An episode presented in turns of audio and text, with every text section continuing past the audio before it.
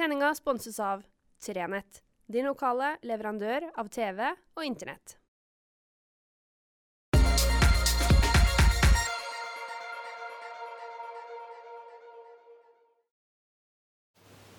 Riktig god fredag. Og det har jeg faktisk ikke sagt på en god stund.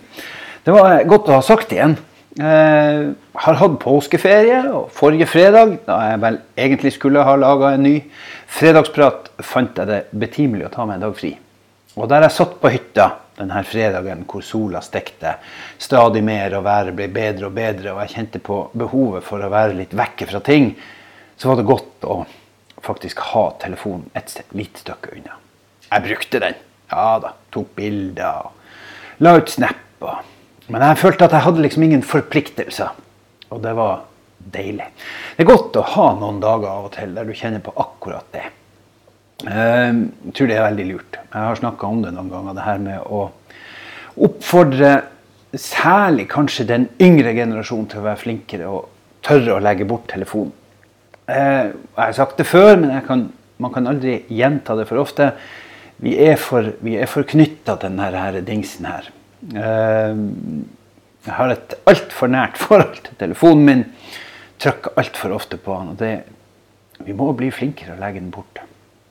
Jeg registrerer at det er en debatt om dagen som går på bruk av bilder av sine barn og barnebarn på sosiale medier. Og det er jeg veldig glad for at vi har en diskusjon om. Jeg tror det er kjempeviktig at vi er bevisst på hva vi gjør. Og kanskje særlig vi som er besteforeldre, at vi ikke ukritisk bare fyrer ut bilder på Facebook og Snapchat og Instagram av barnebarna. Det er foreldrene, og ikke minst barna sjøl, som skal få lov å bestemme.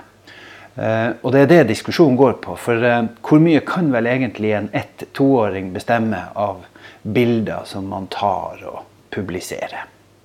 Og det var kanskje litt greiere før. Da mine barn var små, da, da var det, da var det Fotoknutsen som gjaldt. Da ble det tatt bilder, og da ble de fremkalt. Og det var badebilder, og det var bilder av nusselige nurk med, med, med Ja. Og de bildene hadde man ja, kanskje tatt i dag, men jeg vet ikke hvordan man skulle lagra dem. Hva skulle man gjort med dem? For uh, det er bilder som uh, man nok kan sette store spørsmålstegn ved. Og det er akkurat den biten som er absolutt verdt til å ta en diskusjon på når man i dag digitalt lagrer bildene sine i skyer, på mobiler, på dingser. Uh, de bildene som jeg tok i 94 og 97, de, de ligger i ei kasse på loftet. De kommer sannsynligvis ikke i noe album. Blir av og til bladd i, og stort sett det. Men, men de her bildene som vi tar i dag, de havner ute på verdensveven. Flyter rundt. Og det vi vet, er at uh, uærlige, uredelige mennesker har en evne til å klare å hacke seg inn og hente ut. Og kanskje selge bilder som, som uh, bare lå der. Derfor skal vi være veldig kritiske til det vi tar. Uh, I min familie har jeg, har jeg, folk som praktiserer ulikt. jeg har folk som, som ikke har bilder av ungene sine på Instagram nei, på, på Facebook, for, for, barnet er så stort at skal få bestemme sjøl. Men har valgt å finne andre måter å publisere og dele bilder av, av barnet til en, en, viss gruppe mennesker som skal få lov å se det. Men, men utover det så er det altså ikke noe uh, deling av, av, barn. Og det, det, er noe vi som er rundt, bare må respektere. Uh, og vi vet at når vi er på tur i lag, når vi er ute, så skal dette barnet ikke på, på Facebook. Uh, det, sånn er det. Og det er jo en helt enkel og grei sak.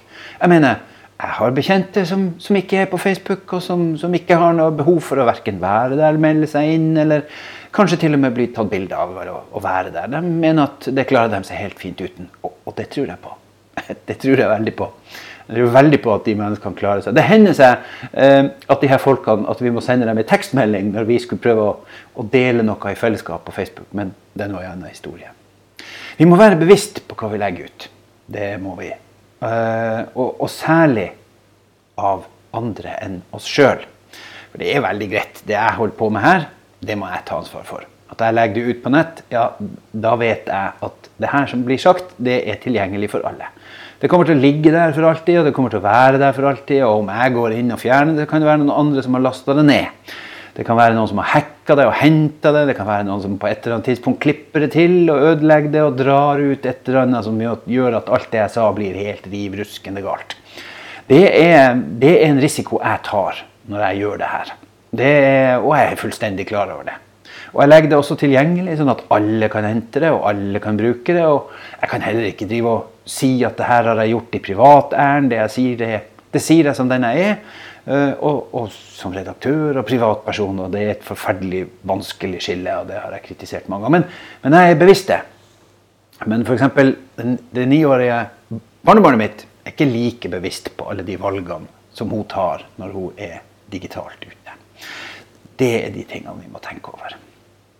Så det var en liten digital oppfordring denne eh, fredagen. Vi har altså gått inn i april. Uh, vi er jo da i so det, det er sommer. Det sliter jeg med. Men 14. april var altså første sommerdagen. ja da. Det var vel også samme dag at det ble innført et, et nasjonalt bålforbud. Jeg kikker ut. Dere skjønner sikkert hvor jeg vil. Eh, det har akkurat gått et svært ras på Arnøya. Eh, det gikk ras i Fugleflaten i går. På Fugleflaten, unnskyld. I går. Eh, det bøtte ned det er så vått i marka at det, hvis du skal ut og gå på ski nå, så er det vel vannski som gjelder. Men det er altså et nasjonalt bålforbud i Norge. Det er akkurat like lett å forstå som at vi har levd med de samme koronarestriksjonene her som i Viken. Jeg bare måtte. Jeg eh, skal ikke si noe mer om det. Nei da. Nå, nå, slipper vi forhåpentlig opp, og så blir det forhåpentligvis bedre og bedre. Og så, for all del, eh, det var kanskje lurt å ha litt restriksjoner i påska eh, som gjorde at, at, vi ikke fikk smitte hit og smitte dit. Og kanskje har vi i Nord-Troms sluppet unna igjen, fordi at det, det kan, vi aldri, kan, vi aldri, argumentere imot, men, men, det føles rart. Jeg er veldig glad for at vi i dag, denne fredagen, er ferdig med de påskerestriksjonene som var. At vi i alle fall er tilbake til kontor, at vi kan jobbe fra kontor det var veldig deilig å komme tilbake på kontoret igjen. Uh, ja, det er godt, altså. Og så at vi kan få lov å ja, ha en meter. Ikke alle de her strenge kravene.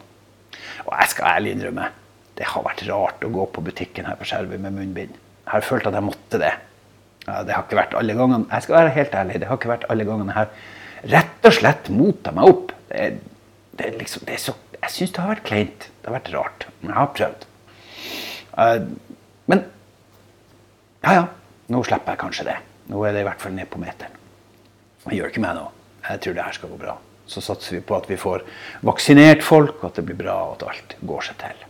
Jeg håper du får ei flott helg. I dag skal det herje litt, men så skal det altså bli et fantastisk vær med gode muligheter for å, å kunne sitte ute og sole seg litt, eller gå seg en tur, og kanskje til og med tørke det litt opp, og så blir det bra igjen. Så vi krysser fingrene for at vi er ferdig med Tina Snø og alle de her raptusene, og at det nå blir, det blir bra. Men vi får vel pinserier og alt det der, og, og, og reinkalverier og ja. Og så må vi lese på Facebook at ja, ja, men vi vet hvor vi bor.